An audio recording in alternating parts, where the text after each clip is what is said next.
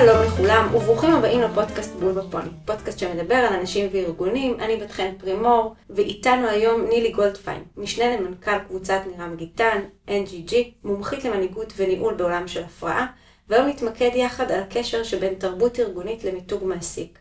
נילי גולדפיין, המלכה הבלתי מעוררת, שלום לך יקירה. שלום שלום, תודה על ההכתרה. בלב שלם. אה, אז אה, יקירתי, נפגשנו בעונה הראשונה ודיברנו על אה, אינטליגנציה רגשית. אגב, פרק שזכה להמון האזנה ושבחים. והיום אנחנו מדברות על נושא לא פחות חשוב, על הקשר שבין תרבות ארגונית למיתוג מעסיק. אז בואי רגע נעשה, כמו שאני תמיד אוהבת, אישור קו. מה זה אומר בכלל מיתוג מעסיק? דוגמה שתמיד נותנים בקורסים בשיווק ופרסום, זה ההבדל בין סנאי לעכבר. אומרים, עכבר וסנאי הם שניהם חיות קטנות, מחסמות ומגעילות. אבל לסנה יש יחסי ציבור. אז אנחנו מדברים על מיתוג מעסיק, אנחנו מדברים על העובדה שיש ארגון כזה, ארגון אחר. לאו דווקא בהכרח תמיד הארגון היותר מפורסם יהיה ארגון שיותר נעים לעבוד בו, אממה, יש לו בשוק שם יותר טוב. זה מיתוג מעסיק. זה משהו שהוא בסוף לא, לא חדש עבורנו, נושא המוניטין. למה בכל זאת אנחנו רואים את זה צף ועולה ככה כתחום עיסוק, אה, עד לרמה שיש אנשים שהגדרת התפקיד שלהם בארגון היום זה מומחה למיתוג מעסיק? התשובה היא תמיד uh, בכלכלה. הסיפור פה הוא סיפור של ביקוש והיצע. once upon a time, ולא כל כך מזמן, לארגונים היה הרבה מאוד כוח מול העובדים. אז היה קצת פחות אכפת להם מה יחשבו עליהם, יותר היה אכפת למועמד להיות אטרקטיבי. ובחוקי הביקוש וההיצע, אנחנו נמצאים היום סביב מה שנקרא The Big Resignation, ההתפטרות הגדולה, או מה שאחר כך אמרו ההתעוררות הגדולה. בגדול זה אומר שיש פחות ופחות אנשים בשוק העבודה שמוכנים לשעבד את נשמתם, חייהם ואת כלל השעות שלהם ואת כלל הקריירה שלהם אה, עבור כסף או עבור ארגונים. ואז מה שנוצר זה שינוי בסיפור של הביקוש וההיצע. במקום שיהיו הרבה מאוד מועמדים ומעט ארגונים שיכולים לעשות מה שבא להם, יש היום הרבה מאוד ארגונים, פחות מועמדים, וארגונים לא יכולים לעשות את כל מה שבא להם. היום הארגונים מחזרים אחרי הטאלנט ולא הטאלנט אחרי המועמדים, אז מאוד מאוד אכפת לאותם ארגונים כמה הם סקסים, וכמה הם מבוקשים, וכמה הם אטרקטיביים, וכמה הם שנאי לעומת עכבר בעיני אלה שהם מחזרים אחריהם הטאלנטים. זה ממש נשמע כמו לשיווק של עסק אה, שהמטרה שלו לבוא ולמשוך ככה לקוחות אה, ולהניע אותם אה, לפעולה. זה, מגיע, זה באמת מגיע משם, פעם דיברו על customer centricity, הלקוח במרכז, כל המונחים שתראי היום במיתוג מעסיק בתורה הכתובה, לקוחים משיווק של customer centricity. היום מדברים על העובד במרכז, היום מדברים על המועמד במרכז, אבל כל המושגים הם מושגים שמגיעים משיווק או מחיזור. השאלה היא מה את מסתכלת. לגמרי, זה ממש מדהים, ואני חושבת שבאמת ככה המטרה בסוף אה, במיתוג אה, של המעסיק היא להרחיב את החשיפה של הצדדים החיוביים בעשייה של הארגון, כדי לגרום לאנשים אה, להבין עד כמה טוב יותר להיות חלק ממנו, כמה אנשים בו שנמצאים בתוך הארגון והסביבה בו היא טובה לעובדים. והבנה שזה לא רק אה, שתנאי השכר כאן הוא מעולה, אלא גם מעבר לכך. אז תגידי, נילי, בסוף, מה הרווחים שהארגונים משיגים אה, באמצעות זה שהם מתעסקים במיתוג מעסיק? בואי נתחיל מזה שכנראה היום אין לזה ברירה. היו זמנים שזה היה סוג של אה, בונוס, שזה היה סוג של אקסטרה מייל.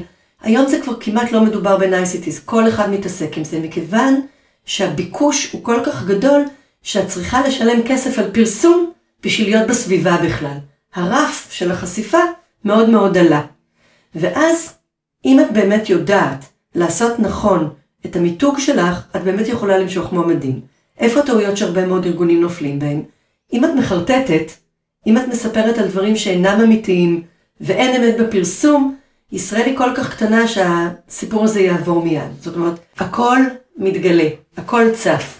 אז הסיפור של מיתוג מעסיק הוא מורכב, כי את לא יכולה להגיד, בוא לגדול איתנו כי בא לנו שתגדל איתנו, ואז לא לגדל אנשים, אבל אם אתה באמת מגדל אנשים, ואז גם לספר שאתה מגדל אנשים, זה מיתוג מעסיק טוב ונכון. אמת בפרסום. אז איך באמת נדע שהאסטרטגיה המיתוגית של המעסיק הזה היא אכן עובדת? כאילו, אם לארגון יש באמת אה, מיתוג חזק אה, בתור מעסיק, איך אני יכולה לזהות את זה?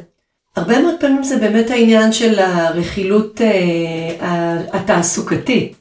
זאת אומרת, אם אה, איזשהו ארגון בוחר לחרות על דגלו, אנחנו משיאים ערך לאנושות, או אנחנו משיאים ערך לכדור הארץ, או בוא לגדול איתנו כי אנחנו רואים אותך, יבוא הבן אדם הראשון, אם זה יעבוד, הוא יספר לחבר. יבוא החבר, אם זה נכון, הוא יספר לעוד שלושה חברים. אם זה לא נכון, הוא גם יספר. ובתורת העסקים מול לקוח אומרים שאם אתה עשית משהו טוב, אנשים יספרו את זה לאחד או שניים, ואם אתה עשית משהו רע, אנשים יספרו את זה לעשרה אנשים. החוקים עובדים בדיוק אותו דבר. במילים אחרות, מה שארגון בוחר לעשות, הוא יכול ליחצן, ואז היחצנות באמת תתפוס כנפיים ותעוף, ואם הוא עושה משהו הפוך ממה שהוא מייחצן, הוא ייפול בבור שהוא קרא לעצמו, וזה יפעל אה, כנגדו בגדול. אסטרטגיה של מיתוג לא יכולה לבוא בפני עצמה. היא חייבת להיות פועל יוצא של אסטרטגיית הארגון, והיא חייבת לשקף ולהדהד תרבות ארגונית. אם יש פער בין מה שארגון אומר על עצמו לבין מה שהוא, הוא ייפול בפער, אני אומרת את זה שוב. אם ארגון יחצה נכון את מה שהוא, הוא ילך למקום נכון. למשל אם הצבא ינסה להדהד מיתוג מעסיק שהוא משלם מלא כסף, הוא יהיה קצת סתום בלחץ. אם הוא יגיד, אנחנו עושים דברים למען ביטחון ישראל, זה יהיה מצוין, זה יהיה נכון וזה לא יפספס. אם הוא יגיד ביחידות מסוימות, אנחנו ממצים לך פוטנציאל ואנחנו מכינים אותך נכון לתפקיד הבא, אז אין שום בעיה עם זה. נכון. אז הפואנטה היא לקחת את הערכים המוספים האמיתיים של הארגון ואותם ליחצן. אם תנסה להיות מה שאתה לא, תקבל בעיטה בתחת. בשנים האחרונות אה, הפכה משימת הגיוס ושימור כוח אדם למשימה מאוד מאוד קשה. התחרות בין המעסיקים היא ענקית. ומאז הקורונה העבודה עוד מרחוק ככה נכנס לנו עוד איזשהו משתנה גם בחברות ענק וחברות בינלאומיות אה, לשוק המקומי ככה מציעות לבוא ולעבוד מהבית אה, בתנאים מאוד טובים ומאוד גבוהים. האם זה נושא שצריך להעסיק, אפילו להדאיג אה, כל ארגון בכל התעשייה? זה, זה משהו שכאילו אי אפשר להתעלם ממנו היום. יש דברים שמאוד מאוד השתנו בשנתיים שלוש האחרונות ויש כמה דברים שלא השתנו בכלל. אחד הדברים שמדברים עליהם זה למה אנשים מגיעים לתוך ארגון, למה אנשים בוחרים בארגון א' על פני ארגון ב', ולמה אנשים עוזבים ארגון. אז הסיבות ללמה אנשים באים לארגונים יושבות מאז ומתמיד בכל הסקרים על שכר, על תנאים, על קידום ועל עניין. ולמה אנשים עוזבים? בדרך כלל בגלל ממונה ישיר. ממונה מערכות ישיר. יחסים ממונה ישיר. Mm-hmm. והקטעים הוא שגם בתקופת הקורונה, אנשים שבאים לארגונים באים בגלל שכר, משמעות, עניין, קידום, ועוזבים בגלל ממונה ישיר. אז אם אנחנו מדברים על מיתוג מעסיק, צריך לזכור שזה קשור מאוד לתרבות ארגונית.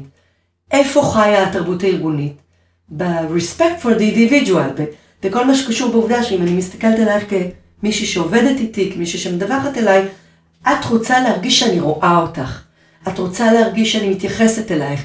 את רוצה להרגיש שהקידום שלך ושאיכות החיים שלך חשובים לי. אז אם אני כממונה ישיר מתייחסת אליך בצורה נאותה פלוס, ומחפשת באמת את טובתך את, ולא רק את טובת המערכת, ויודעת לתווך ולאזן בצורה נכונה בין טובתך את לטובת המערכת, בין צרכייך ומגבלותייך את לצורכי ומוגבלויות המערכת, את תהיי שמחה. אם את שמחה, יש תרבות ארגונית שמחה, כי אחד ועוד אחד ועוד אחד שווה הרבה יותר מזה. ואז את תישארי ואת תחפשי להתקדם בתוך ארגון ולא לזוז ממנו. אם אני אתייחס אלייך כאחד יחידת דליברי, ואני רק אחפש מה להוציא ממך, ואני לא אחפש מה הארגון יכול לתת לך, באיזשהו שלב, גם אם תרוויחי הרבה מאוד כסף, זה לא יספק אותך ותרצי ללכת. וכשאת תלכי את תגידי, את יודעת, הבוסית שלי בשנתיים האחרונות עשתה לי את המוות. היה לי ממש קשה. אני רציתי להיות בתפקיד, ואני אהבתי את הארגון, ואני רציתי לתרום יותר, אבל היה לי כל כך קשה עם התיווך של אותה בוסית, שכל מה שרציתי היה ללכת משם. זה הקשר בין מיתוג מעסיק והשמועות על הארגון לבין מה שקורה בתוך הארגון. ועוד פעם אני אומרת, ואני אשוב ואני אומר, ארגונים יכולים למנף את התרבות למיתוג מעסיק, ואז יכול להיות שעוד אחד יהיה שווה שבע, ואנשים יבואו, אבל אם אנשים יבואו ויראו שאין אמת בפרסום, אנשים ילכו. כשהם ילכו, הם יספרו את מה קורה בתרבות הארגונית, והם יגידו, המיתוג מעסיק איננו משקף נכונה את מה שבאמת קורה שם. נכון, אני ממש מסכימה איתך שיש דברים שאי אפשר להסתיר אותם, וככל שהדברים הם יותר טובים, הם פחות מדוברים לעומת הדברים הקשים, כי אז זה ממש כאש בשדה קוצים. אה, ויצאנו כולנו ככה להיחשף בשנה, שנתיים האחרונות אה, לשלטי פרסומות, למשל של איילון, אה, ככה לראות את הקמפיינים אפילו שקיימים היום בטלוויזיה. איך נכון לנו להסתכל על, ה, על האירוע הזה בסוף? האם אה, לזה התכוון אה, המשורר שדיבר בסוף על מיתוג מעסיק? יש, יש עכשיו כמה ארגונים שמתעסקים הרבה גם עם שלטי חוצות וגם עם uh, זמרים ומצחיקנים שעושים דברים באדם, ואני uh, מעט חוששת מלהעביר על זה ביקורת, כי א' זה לקוחות שלי, וב' הם אנשים סופר אינטליגנטים, אז אני לא מאמינה שהם היו עושים את זה אם לא היה יוצא להם משהו מזה. אז אני כנראה, יש דברים שאני לא מבינה עד תומם ולא יודעת לומר. אני כן יודעת לומר בוודאות ששלט חוצות על מוצר טוב ונכון יגרום לי להיזכר שהוא קיים, ואז כשאני אלך לסופר לקנות אותו.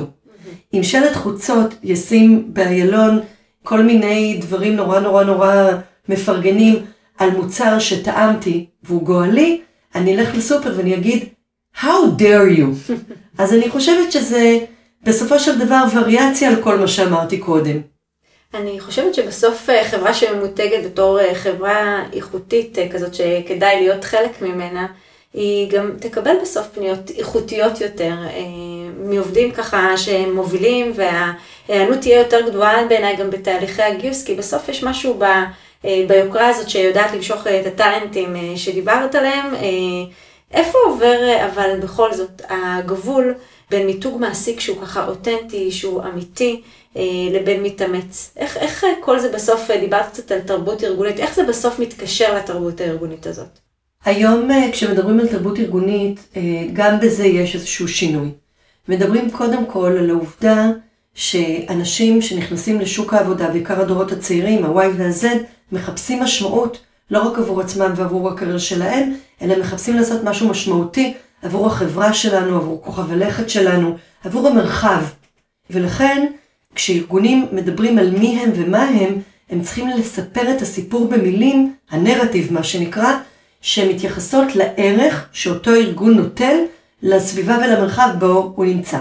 לדוגמה, זה, אה, יש חברה בארץ שקוראים לה סטרטסיס, היא מייצרת מדפסות תלת מימד. אמ-המ. מדפסות תלת מימד זה מדע בדיוני. את מכניסה שרטוט מצד אחד של המכונה, וכאילו מצד שני של המכונה יכול לצאת לך חלק של מכונית. צעצוע. כל מיני דברים שהם תלת מימדיים. כבר בתים שלמים נכון. ממדפסות תלת מימד. אז כעיקרון, יכלה סטרטסיס לבחור ליחצן את עצמה כבעלת טכנולוגיית על חלל, מדע בדיוני, בואו אנשי R&D ותראו כמה זה מהמם וכמה אתם יכולים להתפתח. במהלך השנים, אה, סטרטסיס ראתה שמה שימשוך אליה אנשים זה כמה חשובה היכולת לייצר תלת מימד עבור אנשים אחרים. למשל, הם מייצרים מודולות של עצמים נגועים עבור בתי חולים. וואו. אם למשל רוצים לנתח עובר בבטן אמו, כי יש לו מום בלב, והוא לא יהיה מסוגל לעבור את תעלת הלידה, הוא יחטוף התקפת לב והוא ימות בלידה, ומסמלצים את הלב של העובר, והרופאים מתאמנים עליו, על הלב, כשהם יעשו את הניתוח יש להם הרבה יותר סיכוי להצליח. אז הסיפור הזה של חיי אדם, זה ערך שיכול למשוך אנשים לסטרטסיס הרבה יותר מאשר הטכנולוגיה המאוד מתקדמת. וכך בכל ארגון וארגון. אז קודם כל תרבות ארגונית ונרטיב ארגוני יושבים היום על ערך מוסף לא רק לאדם העובד, אלא ליכולת שלו לתרום לטובת הכלל. זה שינוי של השנים האחרונות. הדבר הנוסף הוא שאתה כבר נמצא בתוך הארגון ואתה מחובר בעשייה שלך הקטנה לערך הגדול, זה נותן לך תחושה של אני עושה פה משהו חשוב, אני עושה פה משהו טוב. ואם קבוצה גדולה של אנשים מרגישים שמה שהם עושים זה להשיא ערך, התרבות הארגונית היא תרבות של ניהול שותפויות, ועבודת צוות, ופרגון הדדי, והדברים האלה תורמים לאיכות החיים של האנשים שנמצאים שם. זאת המשמעות של תרבות, תרבות מעצימה. להבדיל מתרבות רעילה, שמדברת על זה שאנחנו נמצאים כאן בשביל להשיג את ההישגים של המחלקה מול המחלקה, של הפרט מול הפרט, של האנשים שמתחרים על אותו תפקיד ניהולי, אחד מהם אה, ינצח ואחד מהם אה, לא ישרוד. אז את צריכה לשים את הזרקור בתוך התרבות הארגונית גם על הערכים ועל הפרמטרים שמביאים אנשים למעלה ולא מורידים אנשים למטה. ושם האותנטיות בעצם... ושם אה, האותנטיות מסיעה פירות בתוך הארגון, ואז הריח הניחוח של הפרחים, של הפירות, עובר למיתוג מעסיק. מדהים. לכן מיתוג מעסיק ותרבות הם אחד. זה פשוט אחד הולך פנימה ואחד הולך החוצה. הרעיון הוא למנף את התרבות הארגונית של אותה חברה אה, כחלק מהמיתוג שלה, כחלק מהמיתוג המעסיק, וצריך ככה ממש לדעת לזקק את התרבות אה, הארגונית ולדעת להציף אותה בצורה, אגב, בעיניי אותנטית כמה שיותר, באמצעי השיווק, כלפי המועסק הפוטנציאלי שמחר בבוקר ירצה להיכנס פנימה לארגון.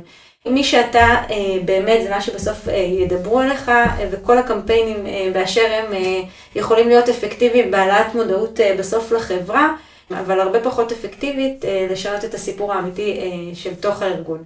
אז בואי רגע נתקשר ונתחבר רגע לנושא של חוויית עובד, כי בסוף חלק מהמיתוג זה החוויה. אני חושבת שתנאים ושכר הם חשובים מאוד. אם הולכים לפירמידה של מאסלו, אז אני הולכת לעבוד קודם כל, כי אני צריכה להתפרנס. יחד עם זאת, אני חושבת שאנחנו נמצאים היום בחברה המערבית לפחות, ובטח בהייטק, אבל בכלל בחברה המערבית במקום, שזה לא שאני משתכרת בשני דולר בשביל לקנות לעצמי אוכל. אנחנו כן עוברים לשלבים היותר גבוהים בפירמידה של מאסלו. חוויית העובד היא כזאת, שאם אני רק מרוויחה שם כסף, ואם אני רק משלמת את החשבונות של המכולת, אני מפתחת מרמור ותסכול אינסופיים. אני, כאדם משכיל, אה, מתורבת, אה, שכבר מגיע לשלבים הגבוהים בפירמידה של מאסלו, רוצה להביא את עצמי לידי ביטוי. רוצה הגשמה ורוצה איכות חיים. אני רוצה שהבן אדם שממונה עליי יראה אותי. אני רוצה שארגון שבו אני נמצאת יחשוב איך הוא בא לקראתי ועושה לי שיהיה לי חיים טובים. וחיים טובים זה לא רק אומר לתת לי עוד 5,000 שקל במשכורת, זה אומר לצאת, לתת לי בסדר, הרגשה טובה אם אני יוצאת הביתה לקחת את הילדים אחר הצהריים. או אם אני אומרת, תקשיבו, אבא שלי נפטר, ישבתי שבעה, לא הייתי שבוע בעבודה, סיפור אמיתי. אבל אני גמורה, אני רוצה עוד שבוע חופש, ושלא יעשו לי עין עקומה. במילים אחרות, אנשים רוצים להרגיש שם. שהעבודה היא חלק מהחיים שלהם, והחיים שלהם הם חלק מהעבודה. זה כבר לא דיכוטומי. ובקטע הזה הקורונה גם תרמה, זה שהיינו הרבה בבית וגם עבדנו בבית, היטשטשו קצת הגבולות, וארגונים התחילו למלא מקום של קהילות. אז אני רוצה להיות חברה בקהילה. Mm-hmm. אני רוצה שיתייחסו אליי כחברה בקהילה, ואני רוצה שיראו את ה-well-being שלי, ואני רוצה שיראו אותי, ואני רוצה שהארגון ייתן לי לא פחות ממה שאני נותנת לו. ואם לא יהיה איזה סוג של שוויוניות בהרגשה של מערכות היחסים בין ארגון לפרט, פרט לא יישאר שם. הוא ילך.